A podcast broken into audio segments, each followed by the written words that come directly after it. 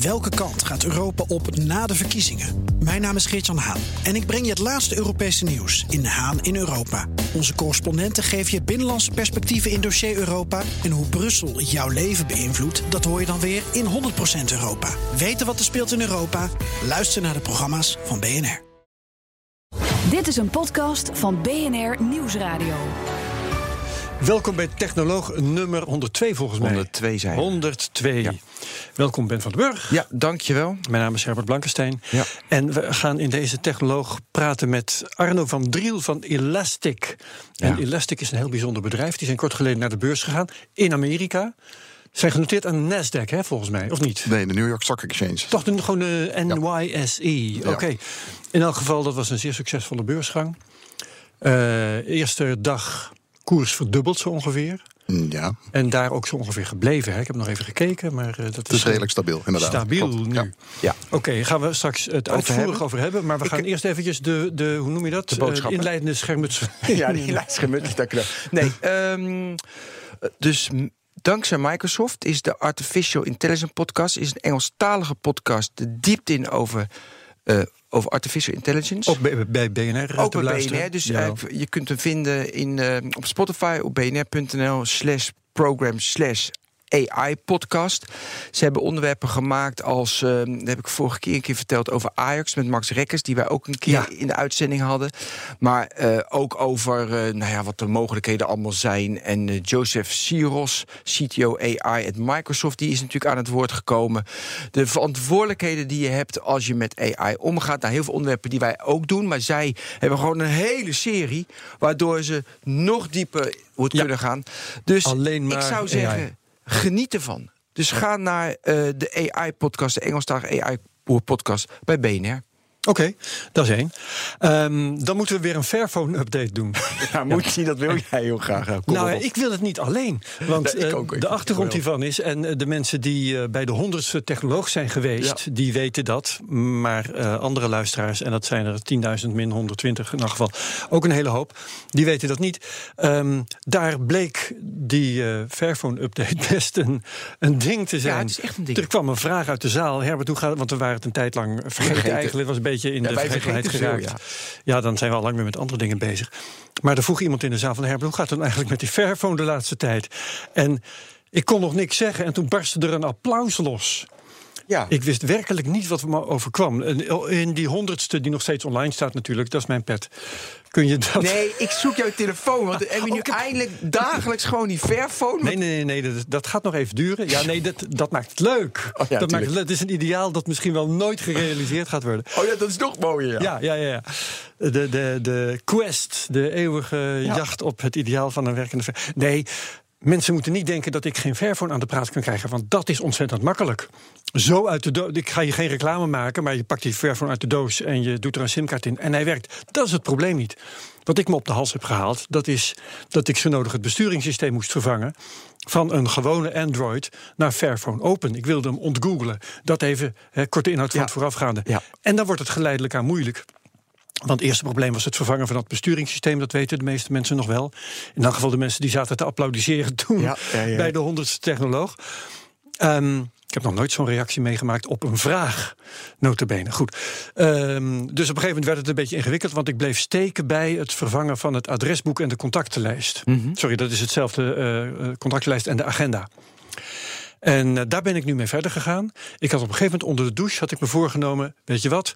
Ik ga gewoon cold turkey een nieuwe contactenlijst aanleggen.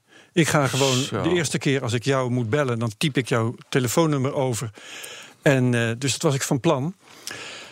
Maar toen kreeg ik nog een tweet van iemand. En sorry, ik heb eh, niet onthouden en ook niet genoteerd wie dat is geweest. Iemand die zei: Weet je waar je heen moet gaan? Je moet naar First Mail. First mail. Ja, eh, dat is dus een bedrijf waar je, eh, je ook, ook je adresboek en je agenda en dergelijke kunt beheren. Ja. En meteen even fast forward, ik heb dat niet gedaan. Ehm, want ik had een keer een soort gelijke tip gehad. Dat was een Duits bedrijf. Daarvan is de, de naam ook weer ontschoten. Eh, maar in ieder geval, er zijn verschillende bedrijven waar je ehm, je eh, adressenboek kunt beheren en je agenda en alles. En dat zijn betaalde diensten. Dan ben ik niet zo heel erg bang voor betalen. Maar ik ben wel bang voor betaalde diensten.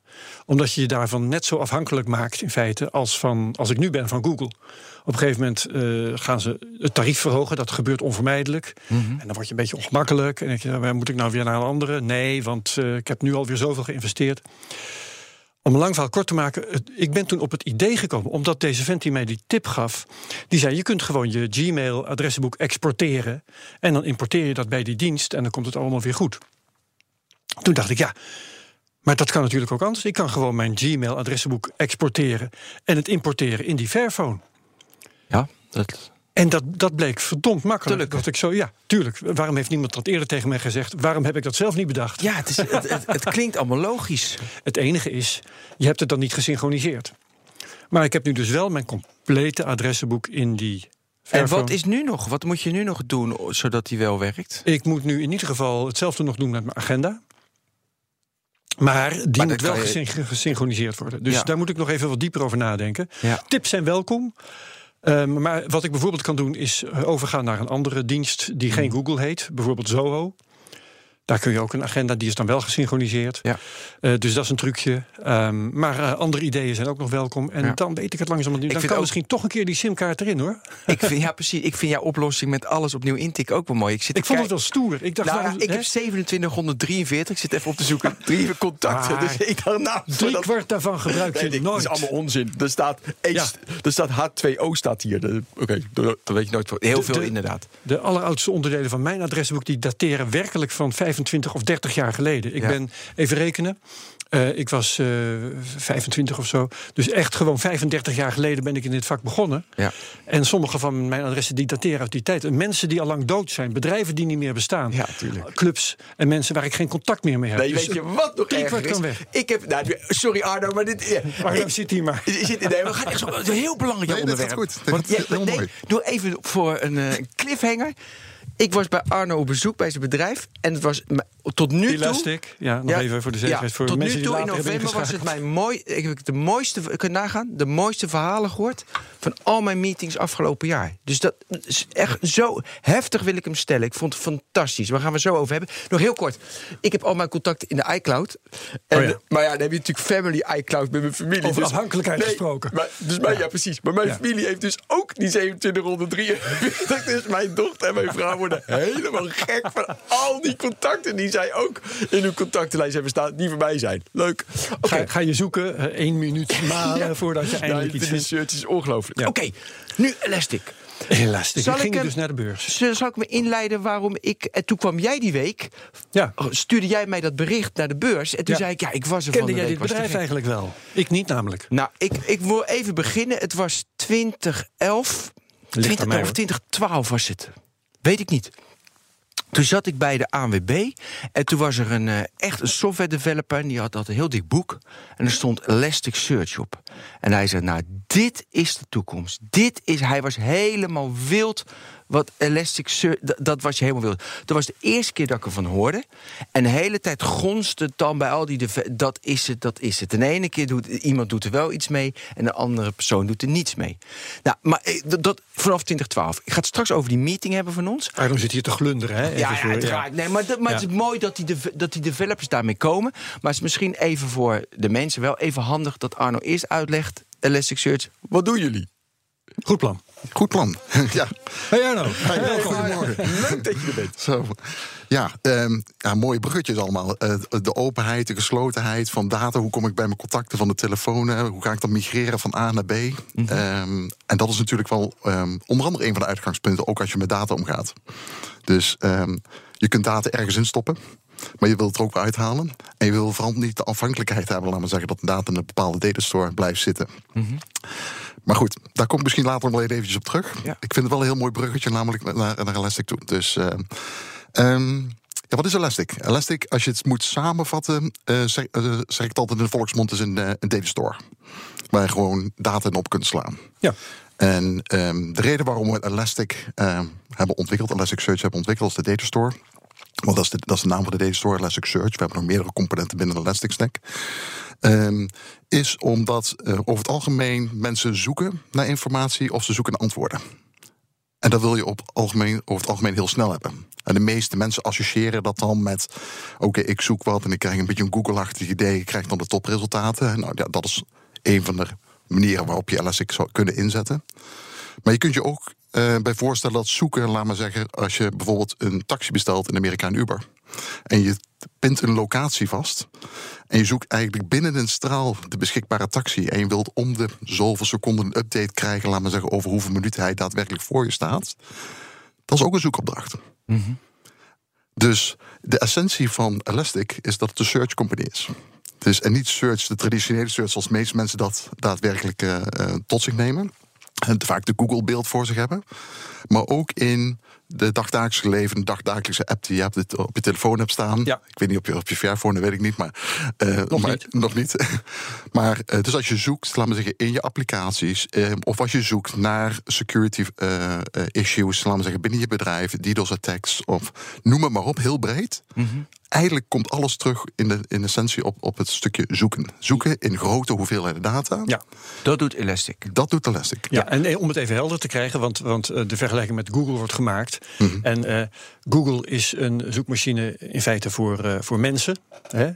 En zoekt in alles wat er op internet zo'n beetje te, te vinden is. Mm uh, bij Elastic gaat het anders. Hè? Uh, de, de, af, de, de, gebruiker van Elastic is in feite, nou jij noemde het voorbeeld van Uber. Dus Uber is een van jullie klanten. Ja.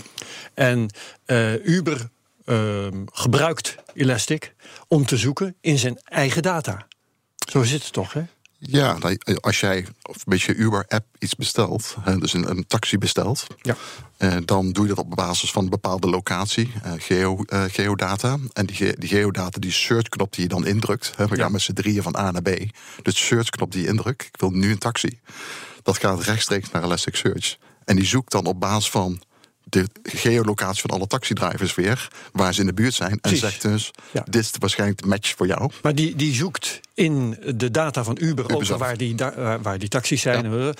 Um, en degene die uh, Elastic hiervoor inzet, dat is in feite Uber. Hè. Uber besluit om Elastic te gaan gebruiken, uh, zodat mensen hun taxi kunnen vinden. Absoluut. Ja. nee, precies. Dat, dat is helder. Dat is een verschil met, met hoe Google werkt. Ja, tuurlijk. toch? Ja, ja, dat wil ik even duidelijk hebben voor, voor de mensen die luisteren. Ja, maar ook bijvoorbeeld, want het, telefoon wist ik niet. Dus uh, ik heb een iPhone. Als ik naar beneden, dan kan ik zoeken. Ik denk niet dat Apple. Nee, die gebruikt niet Elastic. Maar dat zou in principe kunnen. Zeg maar een Android-versie van Samsung Fairphone zou als search in je telefoon ook kunnen gebruiken. Absoluut. dus je ziet wat een, een, heel veel voorkomende toepassing is inderdaad dat, uh, dat de app search, de solution die wij leveren vanuit Elastic, laten we zeggen, die wordt ontzettend veel toegepast, laten we zeggen, in daadwerkelijke applicaties of mhm. omgevingen zoals je dat kunt embedden in je eigen omgeving. Ja, ja en kun je dat voorbeeld, um, hoe dat werkt aan de achterkant, uh, dus met Uber, hoe dat werkt? Hoe dat werkt? Um, ja, in principe um, is het een centrale datastore. En je, stel je voor dat je een taxi driver bent en je hebt een mobiele telefoon. En je hebt je locatievoorziening aanstaan. En je geeft eigenlijk om de vijf seconden geef je eigenlijk je locatie door naar je datastore van Uber toe. En op het moment dat iemand anders dan de taxi daadwerkelijk bestelt, dan doet hij, zoekt hij de dichtstbijzijnde match. Mhm. en, en dat geeft dan uiteindelijk de match. En zeggen we, ook hij komt eraan. En dan krijg je om de zoveel seconden krijg je een update. Wanneer je Uber voor je neus staat. En dat is eigenlijk uh, ja. Ja. heel kort aan de bocht gezegd hoe het, uh, hoe het werkt. En waarom uh, ook weer proberen niet heel expliciet reclame te maken. Maar waarom heb je daar Elastic voor nodig? Waarom um, was er niet al, allang iets wat daarvoor zorgt? Um, ik denk dat de, de type data die wij tegenwoordig heet het dagen, maar die kun je niet 1, 2, 3 kwijt in een standaard datastore, in een standaard database. En probeer mm. maar eens uh, um, IoT-data in een database op te slaan. Dat is lastig. En die database gaat heel snel over zijn nek. Um, of in NoSQL databases, daar zitten bepaalde uh, plafonds aan. Um, wat de meeste developers zoeken, is, zijn eigenlijk drie dingen. Als ze een nieuwe applicatie of een nieuwe omgeving ontwikkelen. Um, voor het eerst moet het snel zijn. Ja. Uh, dus uh, het wachten van een paar seconden is eigenlijk niet aan de orde. Dus het moet near real-time zijn. Dat is heel erg belangrijk. Zeker als je een taxi wil. Ja, absoluut. Daarnaast, inderdaad, dat is een goed bruggetje. Want dat is het tweede punt. Is eigenlijk de relevantie. Ja. Hè, dus de- wat je zoekt moet ook wel relevant zijn. Want je kunt wel naar iets gaan zoeken, naar een taxi zoeken... maar hij kan misschien wel een taxi matchen vanuit New York... terwijl jij in San Francisco staat. Dus dat heeft helemaal geen zin. Dus het moet een relevante suggestie zijn ook... die je daadwerkelijk terugkrijgt. Dus vooral de data die je dus zoekt... moet ook relevant zijn voor jouw type use case. Hè, En of dat nou een taxi bestellen is... of dat nou een security gerel- gerelateerd issue is... dat maakt eigenlijk niet zo heel veel uit. En last but not least, en wil je ook niet eigenlijk een beperking hebben op schaal, laten we zeggen. Want of het nou 100 gig aan data is waar je door aan het zoeken bent, of 1 petabyte, je wil eigenlijk dezelfde relevantie en die speed kunnen ervaren. Dus dat zijn eigenlijk de drie, belangrijkste items voor Elastic, hè, waar, waar developers zeggen van oké, als wij echt van aan iets nieuws moeten gaan bouwen, dan is dit onze keus. Ja, maar dat zouden natuurlijk heel veel searchbedrijven zeggen dit. Dat is de kern. Maar wat heeft Elastic het dus gedaan? Dat ik in 2012 van een developer hoor met een dik boek van... nee, wat hier gebeurt, dat is echt uniek. Leg dat eens uit, wat het unieke dan was, of is. Eh, ik denk dat het, of één van de unieke dingen, ik denk dat er meerdere dingen uniek zijn, laten we zeggen, aan de, aan de omgeving. Eh een van de unieke dingen is dat het in de basis open source is. Dus wij stellen in principe de code beschikbaar en ontwikkelen continu aan die code om die code en die functionaliteiten binnen die code steeds beter te maken. Ehm, en dat wij ook ervoor zorgen, laten we zeggen, dat we zoveel mogelijk mensen aan de slag krijgen, laten we zeggen, met die technologie. Ja, dus iedereen kan eraan ontwikkelen, iedereen kan het gebruiken ook. Iedereen kan het kan het ook begrijpen. Absoluut. Ja. Ja, Ja. Hoe het werkt. We zorgen voor een uitgebreide documentatie. Hè. Ja. We hadden het net eventjes over gesloten omgeving van, van transfereren van data, contacten van de ene iPhone naar een andere eh, mobiele telefoon. Ja. Dus wij beginnen eigenlijk altijd met het ontwikkelen van de API. Hè, En die documenteren we ook. Dus als je naar de site gaat, laten we zeggen, zie je ook de volledige documentatie van Elastic staan. Ja. En dan zie je ook ja, hoe toegankelijk het is. De data blijft ook altijd van jou zelf. Het is geen, je hebt geen beperkte API waarbij je beperkte toegang krijgt tot je eigen data. Hè, want dat is eigenlijk vreemd, hè, want het is jouw data. Wat je kunt hebben bij iTunes bijvoorbeeld, noem maar wat. App Store. Noem een voorbeeld. Hè? Ja, dus. Maar er zijn genoeg voorbeelden daarin te noemen. Maar dat is, wat- was eigenlijk de visie van ons. Dus het enabelen van mensen, zorgen dat mensen ermee vertrouwd raken. Ehm, ook goed luisteren. Hè? Want daar hadden wij het over, Ben, hè? dus toen het bij ons was. Ehm, ehm, het is ook belangrijk dat je naar je community, naar je fans luistert.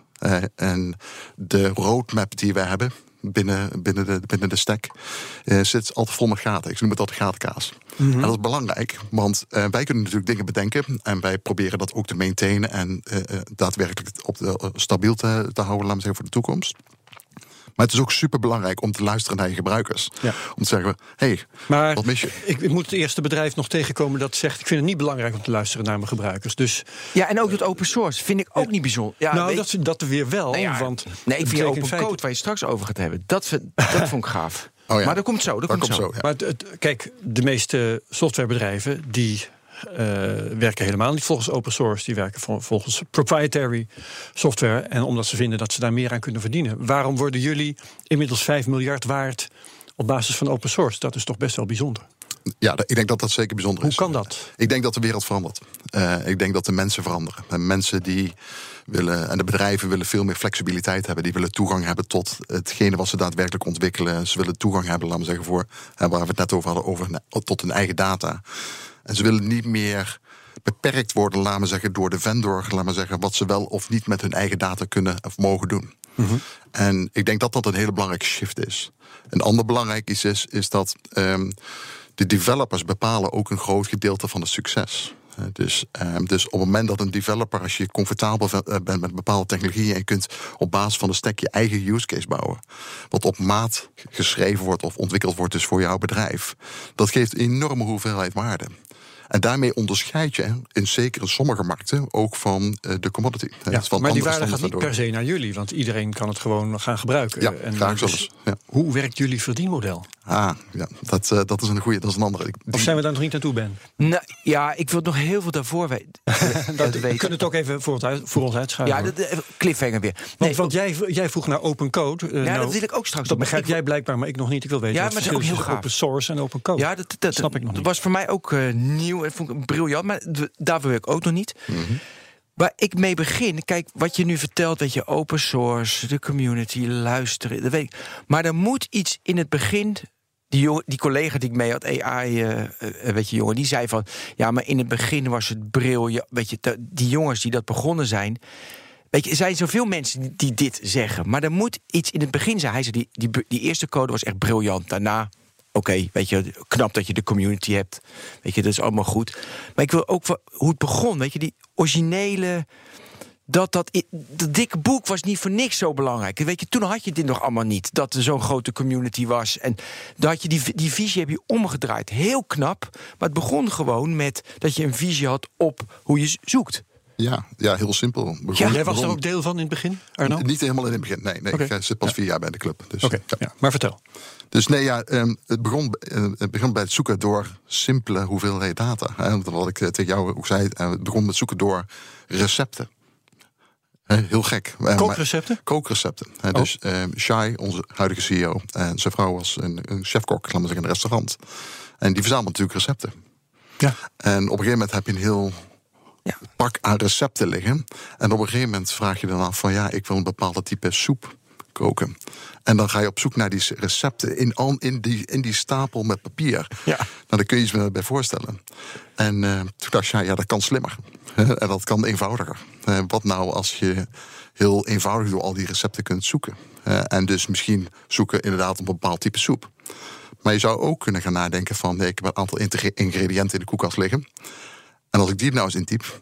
soep in, komt eruit? In welke recepten komt, er, eh, komt dat nou terug? Maar eh, zonder nou meteen te willen zeggen dat het waardeloos is wat je zegt. eh, dit, Dankjewel, Herbert. Dit hoorde ik al toen, toen in de jaren tachtig in basic code werd geprogrammeerd. dat je dat ja. kon doen. Ja. Alleen is, is de manier waarop eh, de data opgeslagen wordt in de datastore... is, Ja. is totaal wat anders dan een traditionele database. Eh, In de database heb je een hiërarchie, laten we zeggen. Je hebt een index en dat, die velden die koppel je aan elkaar enzovoort enzovoorts. En wat je nu doet, en wij slaan het op in een JSON-format... om het een technische term te noemen. hè, dus, en we indexeren eigenlijk alle velden, laten we zeggen, daarin. Daardoor kun je eigenlijk heel snel cross... door, door, je, eigenlijk door je hele datastore heel snel zoeken binnen ja, near real-time. Eh, plus dat nog Ja. een keer schaalbaar blijft in, in dat model. Eh, en dat zie je bij een traditionele database. Op een gegeven moment haak je wel een beetje de max aan. Los van de kosten wellicht. En dan ga je vaak een tweede database doen. En dan ben je weer silo's aan het bouwen. Mhm. En als je weer silo's bouwt, ja, hoe ga je dan die silo's onderling weer met elkaar matchen? En dat is natuurlijk wel een dingetje waar, waar Ja. dan de meeste. Schaal, schaalbaarheid is het probleem. Ja, de recepten is natuurlijk niet. Dat kun je misschien ook wel heel mooi in de database doen. Maar Mhm. als je zegt van waar is het begonnen, begonnen, begonnen, het idee, daar is het begonnen. Dus En Da- ja? ja? sorry. En ehm, vanuit. Shai was niet de enige met die visie, laat maar zeggen. Er waren nog drie andere mensen, laat maar zeggen, binnen, binnen, binnen Europa, laat maar zeggen, die diezelfde visie deelden met elkaar. Dus ze hebben koppen bij elkaar gestoken. En die zeggen van, hé, hey, dat is eigenlijk een goed idee. Stel je voor dat er nu heel simpel gezegd eh, recept is. Maar wat zou het betekenen, laat maar zeggen, voor andere type use cases? En eh, toen zijn ze eigenlijk eh, de company achter Elasticsearch gestart. Ehm, en dat eh, sinds de, Ja, juli, juli dus- 2012. En dat unieke idee van dat je alle velden cross kan, dat was eigenlijk de magie. Ja, de magie en ook wat ik net zei, hè, dus de drie belangrijkste pijlers, laat maar zeggen, als je vanuit een developer eh, redeneert, laat maar zeggen, richting de toekomst kijken, de, hè, dus de, de, de, de schaal, de, de, de snelheid en de relevantie, is super belangrijk. Ja, maar dat was mogelijk door op zo'n manier Ja. naar de structuur van de data te kijken. Absoluut, ja. En dat was, nou, dat vond ik. Ja, dus dat was het unieke. Nou, eh, nu, we we moeten ook over open code hebben. Precies. Dat, ja, dat vond ik zo mooi. Weet je, dat, dat jij zei van er zijn alle mensen, en daar heb ik later nog over nagedacht. Jij zei, onze code is open. Dus alle code die jullie fabriceren, weet je, mag iedereen inzien. Alles is open. En toen eh, maakten we de vergelijking met als jij zeg maar in open source, dan heb je een boek en dan kan je samen aan dat boek werken, weet je, open source.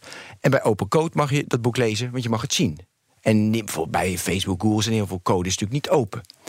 En toen dacht ik later nog, en dat vond ik ook wel mooi. Stel je nu voor- dat iemand in India gaat al die, eh, dus die code kopieer je. En dan heb je ook die, heb je nog een Elasticsearch unieke, Ja. tussen aanstekens, code. Precies.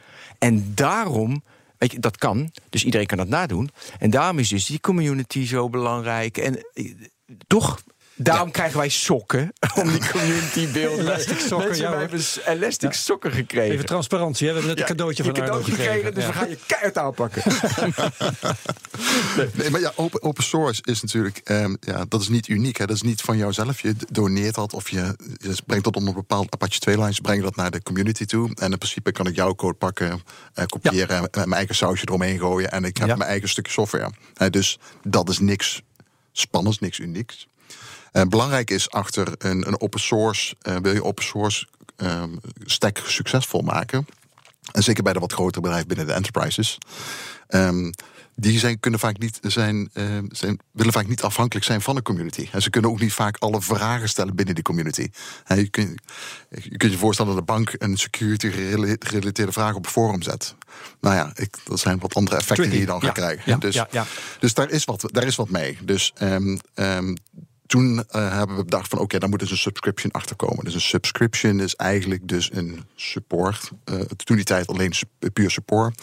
Waarbij dus de mensen die de subscription afsluiten daar daadwerkelijk aan onze techneuten konden vragen van hey, hoe zit dat met deze security? En hoe kan ik dit aanpassen? Help me eens even op weg. Doe ik dit wel op de juiste manier? Dat soort vragen kun je prima terecht bij je vaste support engineer als je dat, uh, als je dat hebt. Uh, dus dat, dat was stap 1. Zo breng je dus eigenlijk open source ook richting de enterprises van deze wereld. Om daadwerkelijk productie te kunnen draaien. Maar zo'n zo'n abonnement is dus onderdeel van jullie verdienmodel? Ja, dat, dat, ja. Bij, ons verdienmodel is op basis van subscriptions. Ja. ja. Verbaas ik me ook wel weer over. Want als ik uh, aan mensen in de Linux community vraag... Uh, wat is nou het sterke punt van de Linux dan zeggen ze dat je gewoon in een forum je supportvraag kunt deponeren. En dan krijg je binnen de kortste keren van iemand met kennis van zaken antwoord. En dat kost niks. Nee, briljant. En dat, dat, Waarom kost het bij jullie wel wat? Nou, dat hoeft niet, want dat faciliteren we ook. Hè. We hebben ongeveer ja. een miljoen downloads, unieke downloads per maand. Maar omgekeerd dan, wat, wat beweegt mensen om zo'n abonnement te nemen als het ook gratis kan? Nou, dat is die bank voorbeeld. Ja, dat is die bank. Dus afhankelijk van jouw use case en hoe open okay. je kunt zijn over je data en over je configuratie. En alle grote ja, corporates ja, ja, kunnen helemaal niet open zijn. Uh, Uber wil dat niet. Uh, noem allemaal maar op. Nee, en sommige mensen hebben ook het geduld niet om te wachten dat ze een, een antwoord krijgen op het forum. dus dat, dat zie je ook vaak voor. Dus, dus sommige, ja. sommige mensen die plaatsen een, en dan zie je dat er na twee, drie dagen nog steeds niks gebeurd is. En die zeggen, hm. zitten eigenlijk met het bouwen van hun eigen use case zitten helemaal vol met energie en die willen verder. En ja. dan ja. valt het stil. En hebben zelf jaar. aandeelhouders in hun nek hijgen? Wellicht, dat weet ja. ik niet. En hoe fijn is het dan als je tegen de, de, de makers van Elastic kunt kletsen en zeggen van... joh, dit is wat ik gebouwd heb. Heb je wat hints en tips voor me? Of nou, ja, help me in ieder geval op de goede weg. Kijk er eens mee, een soort coachende rol. Zodat je eigenlijk soort on-the-job learning ook krijgt. Ja. Je ziet ook dat, en dat is het mooie van, weer van de community.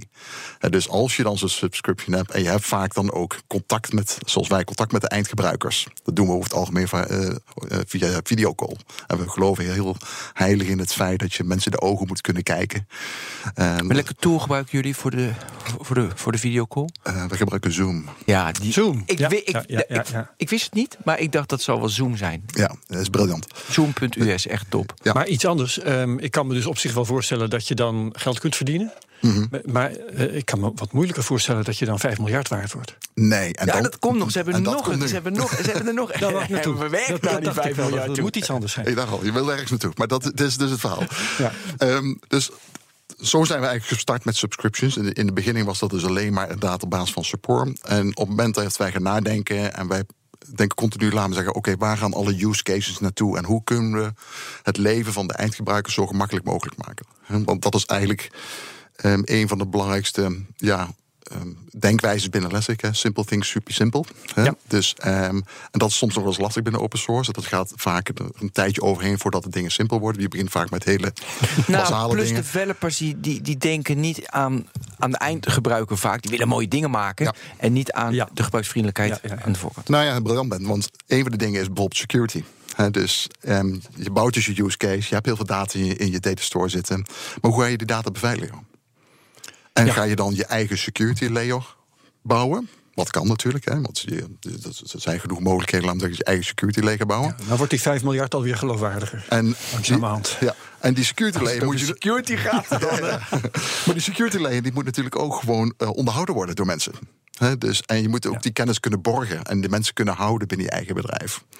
Um, Wil je even een bank of een overheid, je, moet, je mag natuurlijk geen namen noemen, maar even hoe dat werkt in security? Want dat had je met Uber zo mooi uitgelegd, vond ik met zoeken. Hm. Heb je even met security zo'n case?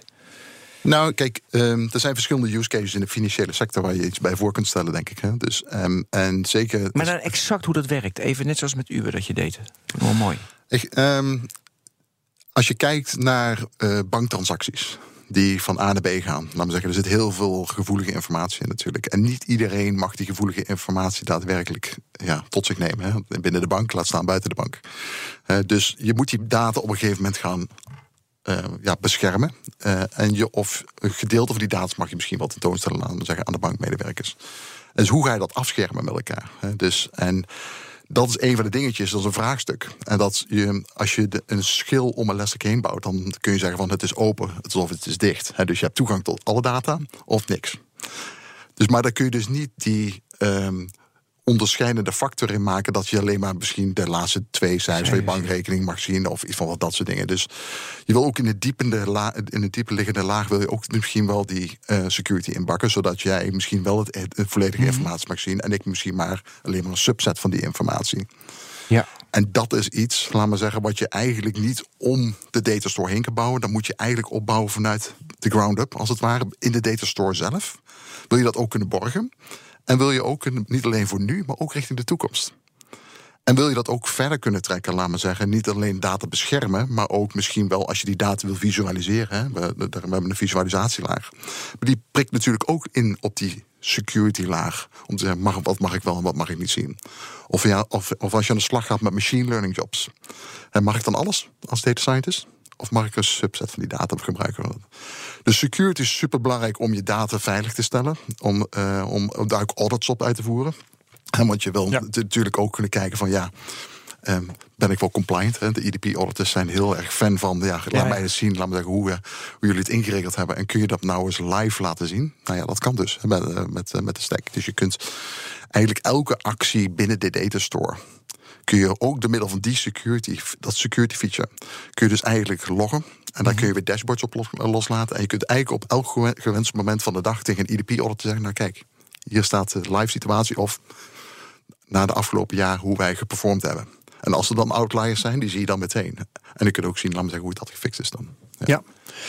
En dat is dus het tweede. Dus je hebt zeg maar support en een security ja. specifiek. Ja, we hebben dus een aantal features inderdaad. Hè, want even dat bruggetje naar jouw open code stukje dan. Dus hè, de, de basis van de stack is open source. Dat kan iedereen gebruiken, kunt downloaden, dat is prima. En daar hebben we een aantal features, waaronder security, waaronder machine learning, waaronder alerting. En zo hebben we nog een paar andere features, laten we zeggen, in de stack zitten. Die uh, zijn proprietary. He, die hadden we eigenlijk. Oh, toch? Aha. Ja. Uh, en die hadden we eigenlijk voor onszelf gehouden. He, dus ja. zeggen van nou joh, dus je kunt het gebruiken. Dat is onderdeel van je subscription. He, dus je krijgt support en alle features. Dat is mm -hmm. altijd één package. Um, en dat ging eigenlijk heel erg goed. En dat gaat nog steeds heel erg goed. Maar de vraag uit uh, sommige sectoren, uh, zonder te veel detail te, te, treden, komt toch van: ja, we willen jullie stack wel verder implementeren. Maar we willen ook weten hoe jullie je uh, security layer in elkaar zit. Of hoe jullie mm -hmm. machine learning jobs lopen. En dat vinden ze anders te gevaarlijk? Nou, in sommige sectoren is het zo dat ze, ze willen dan best wel software implementeren. Maar dan willen ze ook eigenlijk even onder de motorkap kunnen kijken van hoe hebben jullie dat gebouwd? Tuurlijk. Ja. En klopt het zoals jullie dat ja, gebouwd eigenlijk hebben. wil je dat bij Windows ook, hè? Maar goed, ja. oké, okay, ja, so, soms mag dat. Ja, en, ja. Um, en zo transparant als wij zijn, laten we zeggen, met de data, willen ze ook zo transparant zijn, laten we zeggen, ook voor de code. Mm -hmm. Dus wat hebben wij besloten in februari dit jaar? Dat wij dus de proprietary software between quotes, hè, dus de, de features, die hebben wij open code gemaakt. Dat is wat anders dan open source. Open Ja. source kun je dus gewoon Is dat downloaden. wat gebruiken. Microsoft noemt shared source? Mm, niet. Dat, eh, nou ja, ik dat weet niet of dat exact dat, klanten eh, soms even een middagje langs mogen komen Ja. om onder die motorkap te kijken. Ja. Volgens mij is dat, Ja. dat wat jij beschrijft. Ja, eh, ja. En eh, bij ons hoeven de klanten niet langskomen, want het staat gewoon dat, Nou ja. eh, op, op, op, op onze site. Dus dat kunnen we Oh, gewoon bekijken op GitHub. Dus, maar wat we hebben gedaan, dus eigenlijk gezegd van hey, die features die maken we dus open Oh, code. als het op de GitHub staat, dan is voor Microsoft die heeft het gekocht. Dan, eh, Ja. maar iedereen kan dus naar die code kijken, laten we zeggen, van die Ja, features. dus hoe wij dat security feature hebben gebouwd en dat soort zaken. Nee, maar de proprietary dingen van jullie staan nog niet op GitHub? Ja. Wel? Ja, dat is dus het open code stuk. Oké. Dus dat is even een eh, dikke resetknop. Want er zijn maar heel weinig bedrijven ja, in de drie wereld. zei je. Welke nog meer? Want dat, heb, Ja, was, ik, dat, dat- was ik vergeten te vragen. Ja, dat, die, die het ik later nog is, een dan keertje het toch niet meer proprietary? Ik begrijp is helemaal niet. Sorry? Als het, als het open is, is het toch niet meer proprietary? Of, of snap ik iets niet? Nee, dat, maar dat, staat van, eh, dat is het niet meer proprietary. Dus dan kun je daadwerkelijk naar de codes kijken. Maar het valt nog steeds wel onder een licentie. Laten we zeggen, niet onder de. Apache-lijst. Dus je, je Ah, licentieert ja, ja, ja. die dan nog steeds wel. En Ja. doordat wij die transparantie kunnen geven... Is in feite net zoiets als een boek. Je mag het lezen, maar Ja. je mag het niet vermenigvuldigen. Exact. Ja. En dan, doordat mensen de boeken lezen, kunnen ze zeggen: Oké, ik snap hoe dat in elkaar zit. Ja, ik vind het helemaal top om dit feature te implementeren Duidelijk. in mijn use case. Dat is open code. En dat is open code. Oké, ja. En dat is voor sommige sectoren super belangrijk. En je kunt zelf al een beetje, als je nadenkt, laten we Ja, zeggen. nagaan. overheden, eh, banken. dat- Dankjewel, Ben. Ja, dat soort. eh, maar, maar, maar dat mag jij niet zeggen? Eh, nou ja, voor de overheid is dat heel erg belangrijk. Hè? Want je, weet onder andere overheid en, eh, en de Europese Commissie onder andere... die Ja. vinden dit heel belangrijk. Hè? Die hebben open source first approach. Dus eh, die gebruiken Elastic ook heel veel, laten we zeggen... voor de talloze use cases. Maar die, eh, sommige afdelingen laten we zeggen, van de overheid... Ja, die vinden het super belangrijk om ook even over de onder die motorkap te Ja. kunnen kijken. Hey, wat is de concurrentie eigenlijk? Popt ineens bij me op. Dat heb ik me helemaal niet in verdiept. De concurrentie eh, voor wat, Ben? Ja, voor jullie? jullie? Eh, nu eh, kiest de Anders EU gezegd, kiest voor jullie. Maar Waarom doet Google dit niet al lang? ja. ja. Bijvoorbeeld. Of Microsoft. nou ja, Go- Google raadt ons in sommige gevallen zelfs aan. Dus, eh, Ja, en Microsoft gebruikt jullie. Ik, ik heb een hele lijst van, van jullie klanten. Ja. Dat is e- even leuk tussendoor. Ik heb een hele bos artikelen gelezen over Elastic. en allemaal noemen ze wel een paar klanten. En maar bijna geen artikelen noemen dezelfde klanten als dat andere artikel. Weet je wel? Dus ik heb echt moeten eh, copy-pasten om deze lijst klanten bij elkaar te krijgen. Let op. Oracle, Microsoft, Uber, NASA, eBay, Airbus, Vimeo, Ticketmaster, Facebook, Tinder, Netflix. Ja, ik heb ook op de website gekeken. Rabobank wil ik het nog even noemen. En eh, Grab en Lyft. Ja. Maar dat is natuurlijk net, zo, eh, net zoals Uber. Mooi. Leuk is dat. Maar eh, ja, waarom heb- hebben jullie dit uitgevonden en inderdaad een bedrijf als Google niet, die toch search als specialiteit heeft? Nou ja, ik denk dat het niet zozeer noodzakelijk alleen met search te maken heeft. hè. In sommige gevallen, Google, eh, die raadt ons zelfs aan. Hè. Dus Ja. als je een Google Search Appliance hebt Nee, staan... dat nog- is leuk, maar dat verklaart niet waarom ze het niet zelf hebben gedaan. Ja, dat is een goede vraag. Dat zou je eigenlijk Google moeten stellen. Dus, ja, eh, dat is waar. ja, dus, ja. eh, Maar je, jullie zouden daar een idee van kunnen hebben, ja, bijvoorbeeld. ja, nee. Ik, Nee. Nee, maar dat vind ik. Het is, vind onwijs. Ja, maar wie is de concurrentie eerst? En daarna Ja. ga ik een ander af. Ja, concurrentie is lastig, omdat eh, wij leveren niet noodzakelijk een point solution. Hè. Dus wij leveren een stack, een platform. En daar kun je verschillende type use cases op bouwen.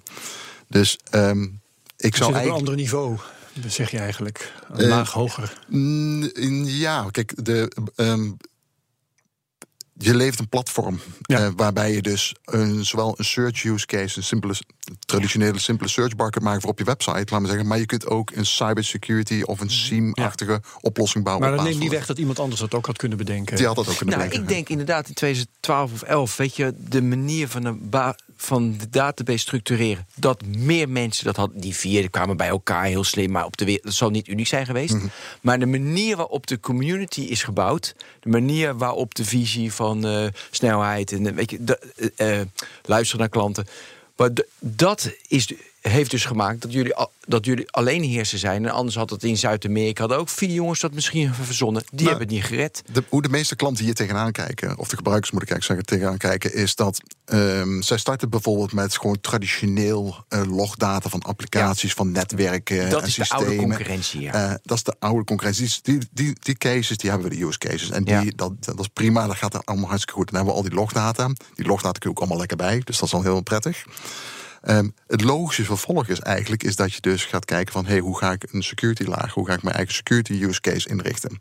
En dat gaat nagenoeg voor een groot deel op diezelfde logdata natuurlijk. Dus je reused eigenlijk ook een stuk van die data die al in dat cluster zit. Dus in plaats van dat je weer een silo bouwt of een nieuwe applicatie aanschaft, naast je logapplicatie, een security applicatie en dan nog een keer een weet ik veel wat voor andere appli- applicatie voor een, een desktop of een use case. Dat maakt het zo lastig. Je krijgt dan heel veel silo's in je data-infrastructuur zitten. Terwijl als je het juist bij elkaar brengt en daar slim mee omgaat. En dus je hebt je logdata al en je bent verplant om een security analytics use case te bouwen, dan heb je die data al. En de investering en die moeite en die data ingest, wat je daarvoor hebt gebouwd, die, die hele tijd heb je al, gebouwd, die heb je al gewonnen. En dus eh, je ziet dat die gebruikers die starten vaak met een, en dat adviseren we ook vaak, met een, een behapbare use case. Gewoon klein, speel ermee, ga ermee aan de slag, breng het in productie. En vanuit daar ga je daadwerkelijk bouwen. En met de meeste gebruikers waar we mee kletsen, die zeggen gewoon, oh, maar als we dit doen, dan kan ik ook dat. En als ik dan mijn website logdata heb en ik heb mijn CRM-data gelogd, laat maar zeggen, dan is het eigenlijk misschien ook wel een gave case om een 360 graden view marketing, use, eh, marketing analytics use case te bouwen on top of Elastic. En zo zie je eigenlijk, je hoeft eigenlijk niks te zeggen bij de meeste gebruikers. Die beginnen zelf te denken. Oh, maar als ik dan dat kan doen, dan kan ik dat ook. En wat zou dat betekenen als ik dat even zou ontsluiten, laat maar zeggen, naar mobiele technologie? Kan ik dat dan ook? En kan ik die locatiegegevens van de mobiel kan ik dan ook weer daar. Maar om even terug te gaan naar Ben's vraag. Eh, zeg je nou eigenlijk dat eh, voor het, hele, voor het geheel wat jullie doen er geen concurrentie is? Nee, ik denk dat uh, er weinig bedrijven zijn, laten we zeggen, wij komen ze weinig tegen, laten we zeggen, die eigenlijk de volledige stack daadwerkelijk op deze manier inzetten zoals, zoals wij dat doen. Ik denk die 5 miljard ook weer meer begrijpelijk. Ja, en ik denk dat dat steeds, het is vaak meer een Lego-doos van allerlei losse oplossingen met allemaal moeilijke integratievraagstukken die daar vaak spelen, complexiteit. En wat ik al net eerder zei, simple things should be simple. dus als je dus met die stack aan de slag gaat, die stack is gewoon geschikt om meerdere use cases te kunnen bouwen.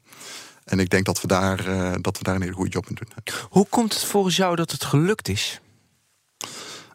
Ik denk, um, ik denk met name hoe wij omgaan met um, de software zelf. en de, wij zien eigenlijk nagenoeg geen verschil tussen ons en de, en de community dus wij komen de mensen die onze stack downloaden, die komen op ontzettend veel evenementen tegen. Ik zei tegen jou, we hebben meer dan 861 evenementen georganiseerd, enablement evenementen uh, afgelopen jaar. Dus je hebt 861 keer een hoeveelheid mensen bij elkaar. Waarbij we natuurlijk een aantal dingen presenteren zoals wij er tegenaan kijken. Maar tijdens die evenementen zie je ook dat heel veel gebruikers gaan presenteren. En dat de doelstelling is met name dat gebruikers met gebruikers en beschouw onszelf ja. ook als een gebruiker, dat we met elkaar die conversatie aangaan. En ik denk uh, dat je van elkaar leert uh, dat dat een van de succesfactoren is. Laat maar zeggen. Mm -hmm. Ik moet ook heel erg aan Microsoft denken. Omdat, weet je, die richt zich steeds meer op B2B. Op, weet je, dat, weet je, ja, dat de business goed gaat. Mm -hmm. Ik zie dat onderscheid wel met de andere grote vier. En ja, die hadden. Die, dit is voor hun toch. Dit zouden ze toch graag willen in hun portfolio. Is er ooit mee gepraat in, in het verleden dat ze jullie weer uh, wilden kopen? Nou, niet dat, niet dat ik weet, dat zou je Microsoft moeten vragen. Maar um, ja, kijk, ik denk dat bij, bij praat ontzettend veel met developers. Hè, met, het, eh, met de techneuten, als het ware. En uh, dat is super, super, super belangrijk. En ja, ook, wij praten ook met de Microsoft techneuten. Hè, omdat ja, Microsoft, wat je al zei, is een van onze grote gebruikers ook. Ja. Uh, en wij maken ook gebruik van het Azure platform. Laten we zeggen, want daar kun je ook Elastic daadwerkelijk op afnemen als een Elasticsearch cluster. Dus dat is heel erg goed. Dus de partnership is er ook. zoals met vele andere bedrijven. Maar um, ik denk dat dat op iets andere manier werkt, laat maar zeggen, dan, uh, dan dat. Uh, Oké, okay, die community is belangrijk, zei je. Wat ja. ik echt een topverhaal vond, was die 85. Oh nee, nee, nee, nee. De vraag. Oh, 50. Herbert, hoeveel mensen hebben het afgelopen jaar gesolliciteerd bij Elastic? Ik heb volgens mij voorafgaande aan, oh, voordat de, de, de opname werd aangezet, heb ik het al gehoord. Ja. Dus uh, oneerlijk zijn om nou te doen alsof nee, ik... 85.000, hè? Ja, klopt. Ja, dat is de, 12 mannen. Ja. En weet je, iedereen zoekt, willen daar werken. Nou, dat was voor mij een getal. En op grond waarvan meldde is, is dat een aanleiding van de beursgang? Of? Nee, het heeft niks. Nee, is toch het hele jaar? Nee. Ja. Dat is gewoon buzz. Ja, dus uh, ja. Wij groeien, wij groeien hard hè, als. En je neemt 80 man per maand aan, hè? Ja, om en erbij. Hè. Dat verschilt natuurlijk in de periode van het jaar. Ja. En het verschilt... Hoe doe je dan de selectie? Ja, nou dat is eigenlijk het belangrijkste. Dus wij hebben ook gekozen om. Is, dat zit er een search in die. Ik wou net zeggen, het moet je eigen software. hele goede search in. nee, we hebben eigen mensen, laten we zeggen, die die selectie heel goed kunnen doen en die afweging kunnen maken van wat is het juiste profiel. En afhankelijk van de job die we, die we ja. open hebben staan, natuurlijk. Maar we hebben eigen Elastic mensen die ook de company kennen, die de software kennen, om te kijken heel snel te kunnen valideren van ja, um, is het een match of is het mogelijk geen match of dat soort zaken. Ja, ja, ja, wauw. Um, wat ik eigenlijk wil graag, uh, gaan we een beetje een andere kant op hoor. Ja, Eventueel hou je me ja. maar tegen. Uh, er is natuurlijk gezegd rond die beursgang, nou wel Hollands glorie, uh, Nederlands bedrijf en zo. Maar het is opgericht door een Nederlander, een Amerikaan, een Duitser en een Israëliër. Zeggen ze nou in Israël, hey, dit is een Israëlisch bedrijf naar de beurs gegaan, is 5 miljard waard geworden? Of is Elastic om een of andere reden toch echt een Nederlands bedrijf? Ja, dat is, dat is een. Um het ligt eraan hoe je er naar kijkt, laat ik het maar zo dat zeggen. Dacht ik wel. Dus um, binnen Elastic zien we dat niet zo, laat me zeggen. Wij zien Elastic als één, laat me zeggen. Het, eh, het maakt niet uit. We zitten in zoveel verschillende landen, geloof ik, iets van 37 landen inmiddels. En Gewoon het, het, internationaal is, het is ons team, laat maar zeggen. Dus wij ja. zien het als één bedrijf, onafhankelijk van waar hij vandaan komt, waar hij woont, enzovoort, ja. enzovoort, enzovoort. Dus maar waar is je hoofdkantoor? Het hoofdkantoor is hier in Amsterdam gevestigd. Ja, ja, klopt. Dus in dat opzicht. Ja, het is een Nederlandse entiteit, laat maar zeggen. Als je het in ja, de juridische vorm kijkt, is dat een Nederlandse Maar wel naar de Amerikaanse beurs. Ja. Waarom? Um, ja, ik denk dat is voor obvious reasons. Hè. Dus dat, uh, ik denk dat daar een goede afweging over Meer is. te halen valt. Dat weet ik niet. Dat weet ik niet eerlijk gezegd. Nee, dat, eh, ik weet niet wat exact afwegingen erachter zijn geweest Hey, om dat echt die beurs te kiezen. Ja, en waarom moesten jullie naar de beurs? Want jullie eh, afgelopen jaar 20 miljoen verbrand. Ehm zat nog altijd 50 miljoen dollar in kas. En, ehm, en jullie hebben 200 miljoen opgehaald bij de beursgang. Dat geld dat je in, je kon nog vooruit. Weet je, dus je verbrandde wel 20 miljoen, maar je had toch 50 miljoen. Waarom was het belangrijk om toch die 200 miljoen nog op te halen? Er zijn een aantal dingen. We hadden het net over open code. Hè? Dus hoe belangrijk dat is voor, een, voor het bedrijf als Elastic zijnde om weer nieuwe ehm, ja, use cases bij, eh, bij klanten te mogen uitrollen. Ehm, en een onderdeel van, ehm, van dat proces bij, de, eh, bij het eh, ja, dieper en mooiere use cases mogen doen bij klanten, laten we zeggen, is een, een fractie daarvan is ook een, een beursgang. Hè? Dus, eh, dus op een gegeven moment. Om ja, heel wat transparantie ook te hebben, ook zeg maar financieel. eh, wellicht ja, dat dat voor sommige klanten heel erg belangrijk is. Ja. Mooi. Ja. Wat heel erg leuk is, Herbert, eh, omdat wij natuurlijk nu een, eh, een Twitter-account hebben, Ja, hebben we vragen gekregen. Ed de technoloog. Ja, en dat vind ik hartstikke leuk, want Een Kev- hele lijst inderdaad. ja, hoort Kevin Bloem, ook- dat is een collega van mij, maakt niet uit. maar hij twitterde het. Dus oké, waar zit in search nog de innovatie? Hoe kan je nog een business eh, rondkrijgen op het gebied van search naast Google? Nou, ik denk dat we dat wel. De tweede vraag hebben we gehad, maar de eerste. Dat vind ik ook wel. Nou, dat- waar zit innovatie? Waar zie je nog? Oeh, dat moet echt verbeterd worden. Ik wou dat we dat hadden opgelost. Ja, dat is ook een hele goede vraag. Want dat is, en dat is natuurlijk ook eh, wat ons continu drijft binnen Elastic. Dus what's next? En hoe maken we dingen beter? Hoe, hoe zorgen we dat het ook allemaal volledig geïntegreerd is van, met elkaar? Eh, ehm, iets waar we nu ontzettend veel eh, ontwikkelingen in zien en ook waar we heel veel energie in steken, is bijvoorbeeld in, in APM, en Application Performance Monitoring. Hè. Dus, dus hoe performt jouw applicatie? Hoe kun je sneller to the point de root cause analyse vinden, laten we zeggen, waar je appli- de applicatie kunt optimaliseren. Ehm, hoe ervaren de eindgebruikers die performance van die applicatie? Ja, dat is incrementeel allemaal wat je nu noemt. ja, Dus incrementeel veranderen. Ja, incrementeel ja en nee. Ehm, uiteindelijk brengt het, brengt het je ook, laat maar zeggen, weer naar een stukje optimalisatie, laat maar zeggen, van je code. Dus als je het hebt- over APM, dus je kunt zeggen van oké, deze lines of code die nemen te veel cycles in, eh, in beslag. En op een gegeven moment Ja. kun je ook zeggen van hey, daar moet ik eens opnieuw over nadenken. Om dat stukje misschien opnieuw aan te pakken en opnieuw te deployen. Ja. Dus het is, niet, het is, ja, het is incrementeel. Dus dat is absoluut waar. Want je krijgt een volledig beeld, laten we zeggen, hoe je IT-landscape in dit voorbeeld ehm, blijft performen. Aan de andere kant, het helpt je ook, laten we zeggen, om je interne applicaties in dit geval, laten we zeggen, verder te optimaliseren en eh, eh, voor de toekomst. Ja, Rogier Lommers, hoe kan Elastic het beste worden gedraaid? eh, wordt in, dus in Kubernetes, State Machine, zijn ze hiermee bezig? Ah, ja, dat is eigenlijk, wij noemen dat de deployment options. Hè? Dus hoe, hoe installeer je het, waarom het kunt installeren. Ehm, traditioneel gezien, vanuit, eh, vanuit, vanuit het begin was het eigenlijk allemaal on-premise. Dus in je eigen datacentrum of je eigen computerruimte. Daar had je een aantal eh, servers staan en daar installeer je je Elasticsearch cluster op. Ehm, tegenwoordig zie je ook dat, dat er andere deployment options zijn. Hè? Dus we, In we- Azure, dat vertelde je net. ja, we hebben onze Elastic Cloud. Eh, on- onze Elastic Cloud, dat draait op eh, verschillende Jullie eigen cloud. onze eigen cloud dat draait op verschillende platformen, zowel van Google als Azure, als IBM Software wat eraan zit te komen. Ja. En, eh, en Amazon. En daarmee kun je dus gewoon Elastic als een dienst afnemen, als een SaaS-oplossing. Eh, en daarmee hoef je al die configuratiezaken allemaal niet te doen. En als je een versie-upgrade wil doen, dan staat er een mooie knop voor. Dan doet je automatisch de rolling upgrade en zit je weer op de laatste versie. Ehm, dus dat heb je dan zo'n deployment option. Ehm, veel mensen die vinden dat, dat laatste aspect heel erg spannend en ook makkelijk. Maar kunnen niet elke use case in de public cloud draaien. Hè, Daar kan je iets bij voorstellen. Dus we hebben eigenlijk ook die codebase eh, opgepakt. En zodat mensen het ook in hun eigen eh, VPC kunnen draaien, hun eigen datacenter kunnen draaien. Dat noemen we Elastic Cloud Enterprise. Dus dan krijg je al die mooie voordelen, laten we zeggen, van de Elastic Cloud. Alleen dan in je eigen datacenter, je eigen gesloten omgeving. Dat is heel gaaf. En je ziet dat ook in sommige use cases eh, hebben we een hybride oplossing. Hè. Dus dan draait een stukje on-premise, een stukje off-premise. Eh, Dus de deployment options die zijn, eh, zijn absoluut eh, ja, eh, ja, ja, meer dan voldoende. Dat waren de belangrijkste vragen. Oké, Ehm, ik wil nog even doorzeuren over de beursgang. Want die wordt dan gezien als een succes. Hè? Dat is vaak zo. Dan, eh, als de koers stijgt op de eerste handelsdag, dan, eh, dan is de beursgang een succes. Dan zijn de beleggers ja, zijn blij. Eh, eh, en ik denk eigenlijk dat betekent dat de introductiekoers te laag is geweest. Betekent dat je geld hebt laten liggen. Als jullie koers verdubbelt op de eerste handelsdag, dan heb je 100% laten liggen. Dus 200 miljoen had je uit de markt kunnen halen, maar die is naar het beleggers gegaan in plaats van naar het bedrijf. Zie ik dat goed? Ja, zoveel mensen, zoveel meningen, zeg ik altijd. dus uh, dus okay. de, de, een kijkt er inderdaad op deze manier tegenaan, de ander kijkt er op een totaal andere manier tegenaan. Ja, ik zou een schadeclaim indienen tegen de bank die dit heeft geregeld. Ja, toch? Ja, nee, ik, ik, uh, daar kan ik geen goed antwoord op geven, laat ik het maar zo zeggen. Nee, want je bent nu een beursgenoteerd bedrijf, daar moet je voorzichtig mee zijn, dat snap ik wel. Ja, maar um, ik, dat doen jullie wel goed in. Uh in de PR naar mijn idee. Weet je, je hebt niet het idee dat het winstmaximalisatie. Dat idee heb je. Het is natuurlijk wel wat, je, wat je investeert. Nee, maar daar heb ik ook nog wel vragen over. Ja, maar dat idee heb je niet. Dus dat is heel nee. knap omgedraaid. En dat Ja. komt natuurlijk ook door die sokken.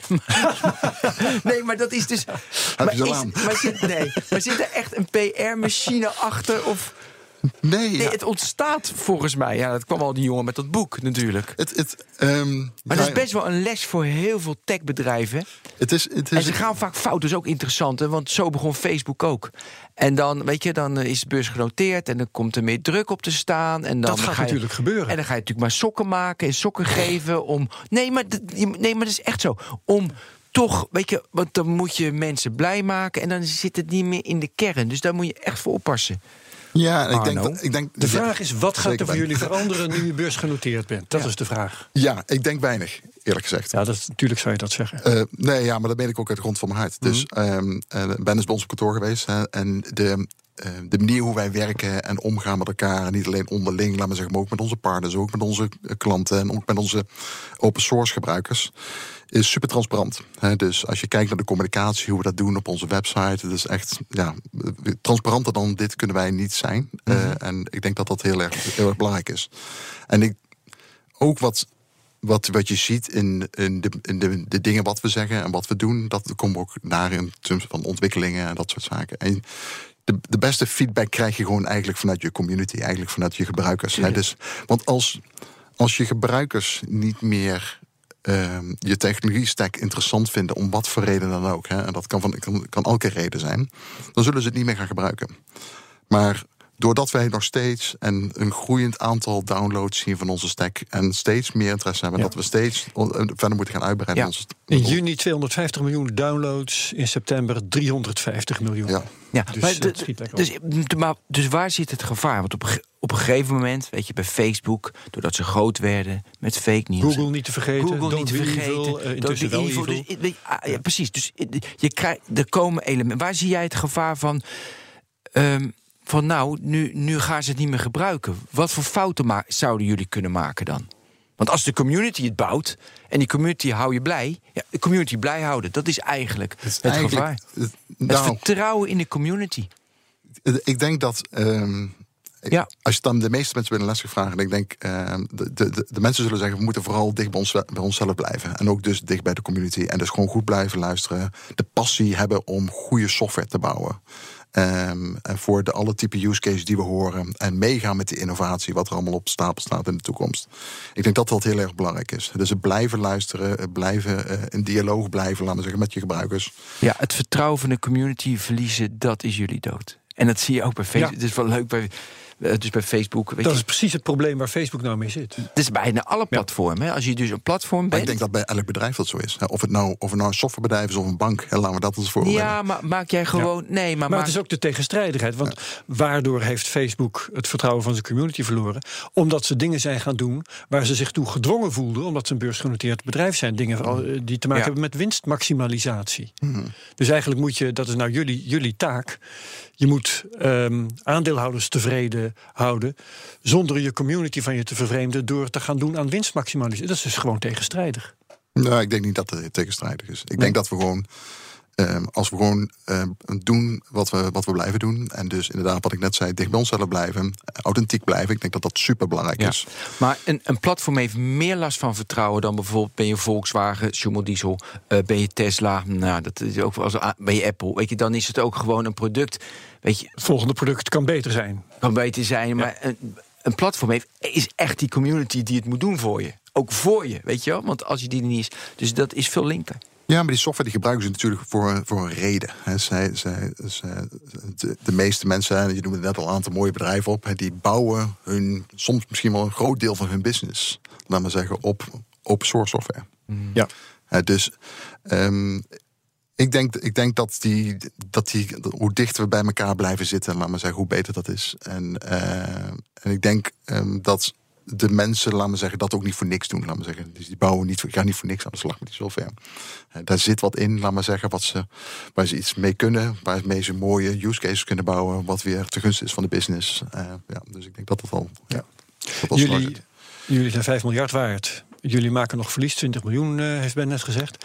hebben jullie een planning die leidt naar winst op een bepaalde datum? Ja, daar kan ik niet altijd veel over zeggen, maar nee, ongetwijfeld. Hè. Dus, mm -hmm. dus uh, maar ja. Nou ja, um, dat uh, ongetwijfeld ja.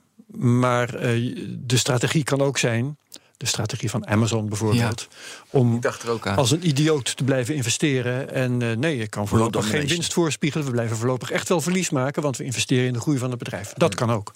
Ja, en wat de, wat de, wat de toekomst Woordland zal, zal het leren. Kun je helaas niet. Uh, nee, nee, er zijn, er zijn natuurlijk. Ik geef die zo terug hoor. Ja, dat, zijn zoveel, dat zijn zoveel dingen, laat maar zeggen, die spelen in de technologie. Het enige wat, ja. wat we willen doen, we willen blijven innoveren. Dat is natuurlijk wel belangrijk. Ja.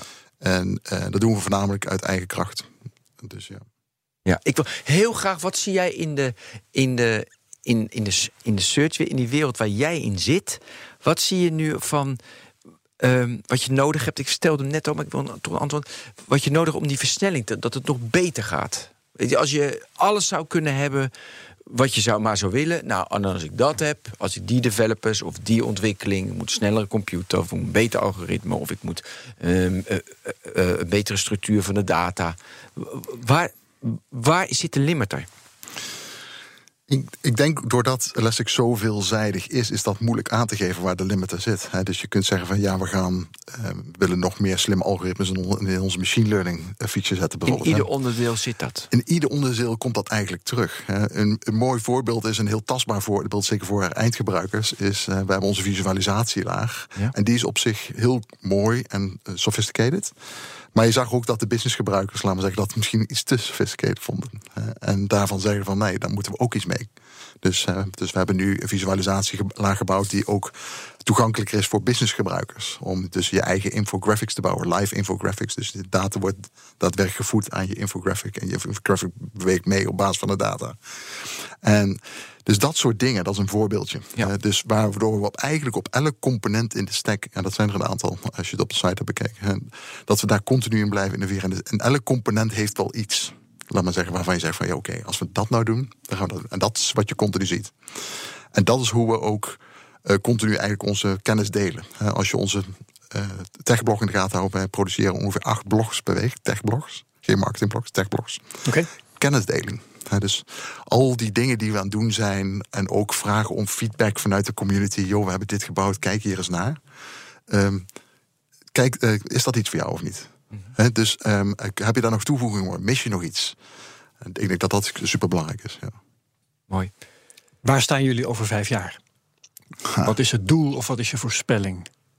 Goh, ja, ik vind dat vijf jaar in IT zo lang. Dat is heel lang. Drie jaar? Drie jaar? Nee, ik denk, ik denk um, wij zien een, een, een, een continu groeiende omgeving. Laat maar zeggen, het aantal downloads groeit, het aantal type use case groeit. We zien een aantal, uh, aantal uh, gebruikers. Die, Sky is the limit, joh.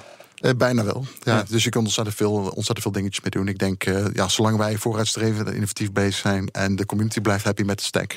Uh, en wij luisteren continu in de community. Ja, ik denk dat, dat er een hele mooie toekomst voor Elastic is. Wat, wat, dit, dit gaat al naar een, een, een, een afsluiting toe. Hè? Dat hoor je aan de vragen en je hoort aan de antwoorden. maar ik bedenk me één ding wat, wat ik eigenlijk nog heel graag wil weten.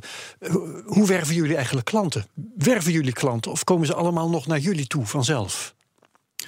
Heb je een afdeling sales? We hebben een afdeling sales, zeker. En moet hij hard werken? Uh, natuurlijk, iedereen werkt hard binnen Elastic. dat, is, dat, is geen uitzondering nee, hoor, Maar dit verba ik, had ik niet verwacht. Wat? Nou, dat is een afdeling sales. Ik dacht, al, die, zeg maar, al die developers, die zitten al...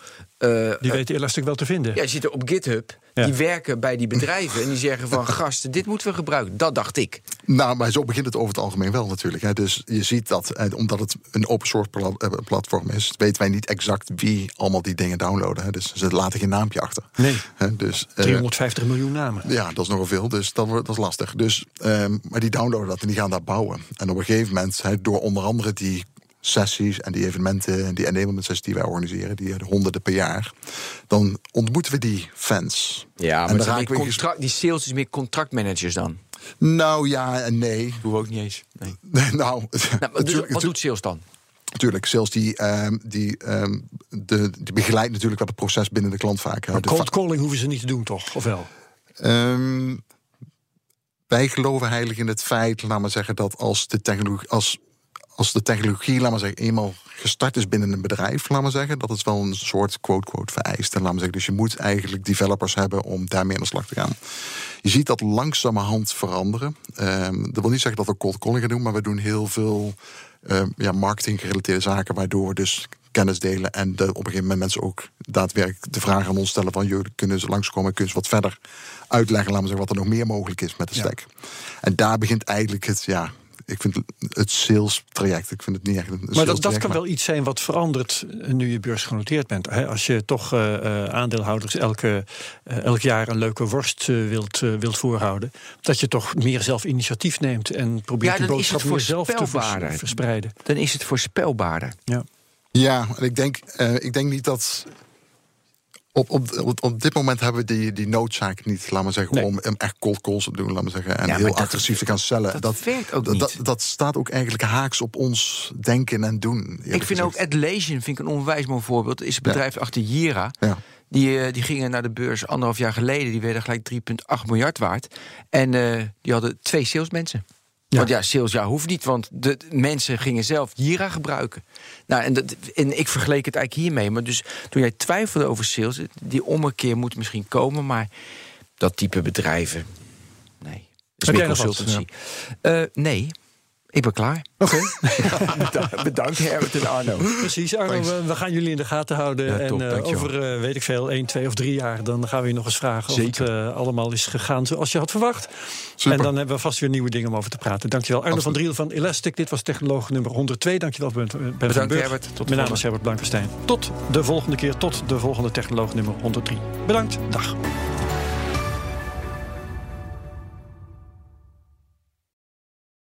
Ook Harm Edens vind je in de BNR-app. Je kunt BNR Duurzaam niet alleen live luisteren in de app, maar ook terugluisteren als podcast, zoals al onze podcasts. En naast dat de BNR-app Breaking News meldt, houden we je ook op de hoogte van het laatste zakelijke nieuws. Download nu de gratis BNR-app en blijf scherp.